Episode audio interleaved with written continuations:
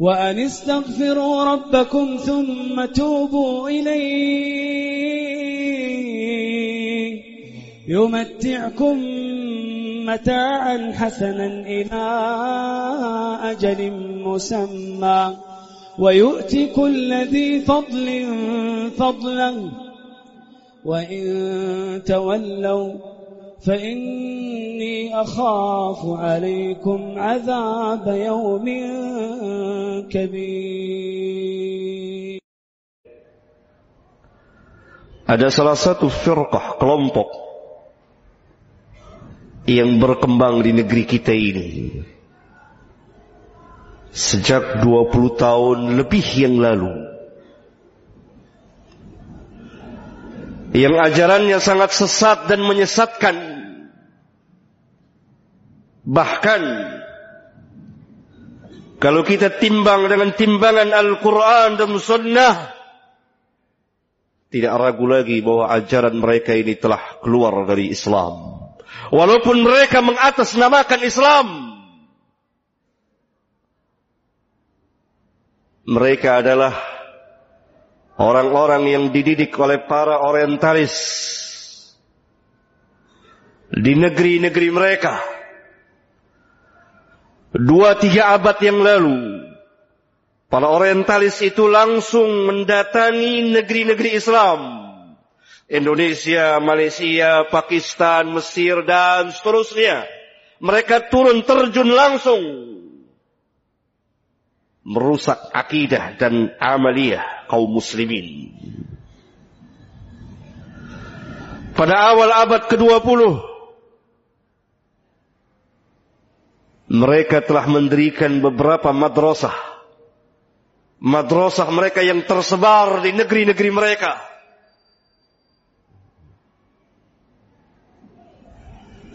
Kemudian mereka mengundang abnaul Islam, anak-anak Islami untuk belajar ke negeri-negeri mereka. Inilah madrasah orientalis atau yang saya namakan dengan nama Yahudi gaya baru. Selesai mereka menamatkan pelajaran, mereka belajar tentang Islam biza'mihim menurut persangkaan mereka. Kemudian mereka pulang ke negeri-negeri mereka. Mengajarkan Islam kepada kaum muslimin yang tidak pernah kita dengar dari bapak dan kakek kita. Tidak pernah kita dengar dari Al-Quran dan Sunnah Rasulullah Sallallahu Alaihi Wasallam. Terus berkembang. Mereka pun membuat perguruan madrasah-madrasah kecil di negeri-negeri kaum muslimin. Apa inti ajaran mereka? Dan ini tersebar di sebagian perguruan Islam.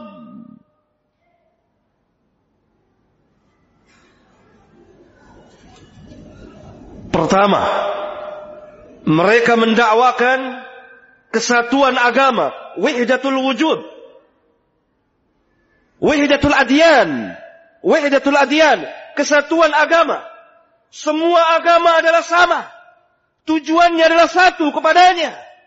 Tidak ada perbedaan antara Islam, Kristen, Yahudi, Konghucu, Buddha, Hindu. Sama semuanya. Semuanya berada dalam kebenaran. Ini ajaran yang sangat berbahaya. Merusak dan membatalkan dan menghancurkan akidah seorang Muslim di mana Rabbuna telah tegaskan tadi, Inna ad-dina 'inda Allahil Islam. Tidak ada agama yang sah di sisi Allah kecuali Islam. Wa raditu lakumul Islam dina dan aku redha Islam sebagai agama bagimu.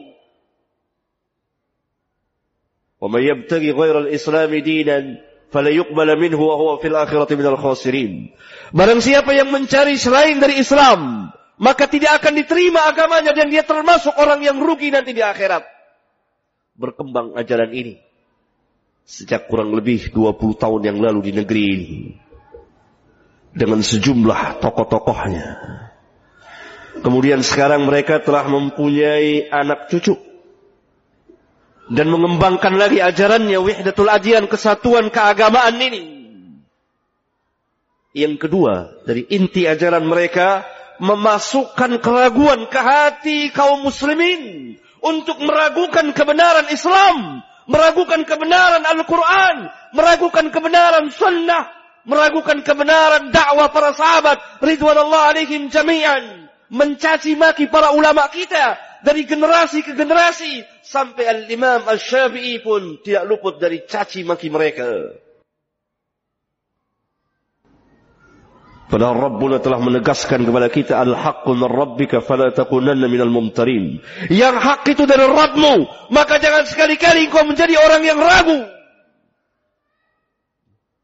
Kita yakin akan kebenaran Islam. Kita yakin akan kebenaran Nabi yang mulia sallallahu alaihi wasallam. Kita yakin akan kebenaran Al-Qur'an dari awal sampai akhir meskipun kita belum paham sebagiannya atau secara keseluruhannya. Qul sadaqallah, katakan benarlah Allah. Sebagaimana Nabi yang mulia pernah bersabda, "Ma kharaja minni illa haqqun." Tidak keluar dariku melainkan kebenaran yang adalah kebenaran di atas kebenaran. Mereka memasukkan sedikit demi sedikit keraguan demi keraguan. Di dalam hati, tashkik di dalam hati seorang mu'min. Padahal kalau kita membaca Al-Quran, di awal-awal Quran, di awal surat Al-Baqarah Allah berfirman, Alif Lam Mim, Zalikal kitabu la raiba fihi udan lil muttaqin.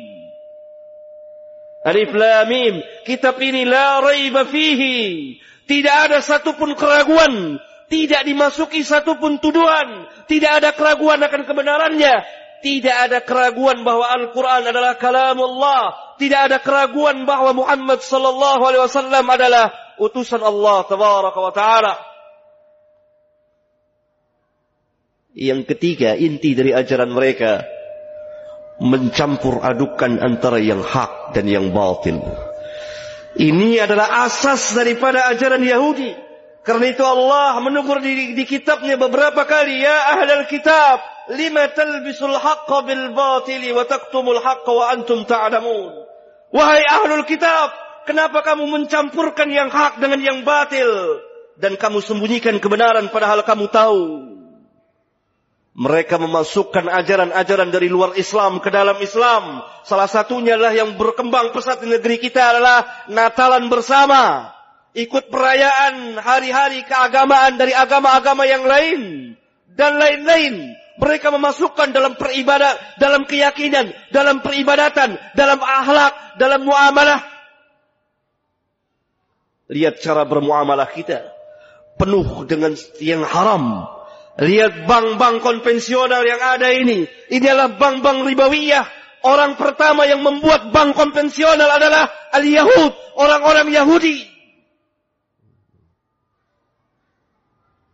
Yang keempat inti dari ajaran mereka adalah meninggalkan ketaatan kepada Allah sedikit demi sedikit untuk menuju kepada kemutlakan.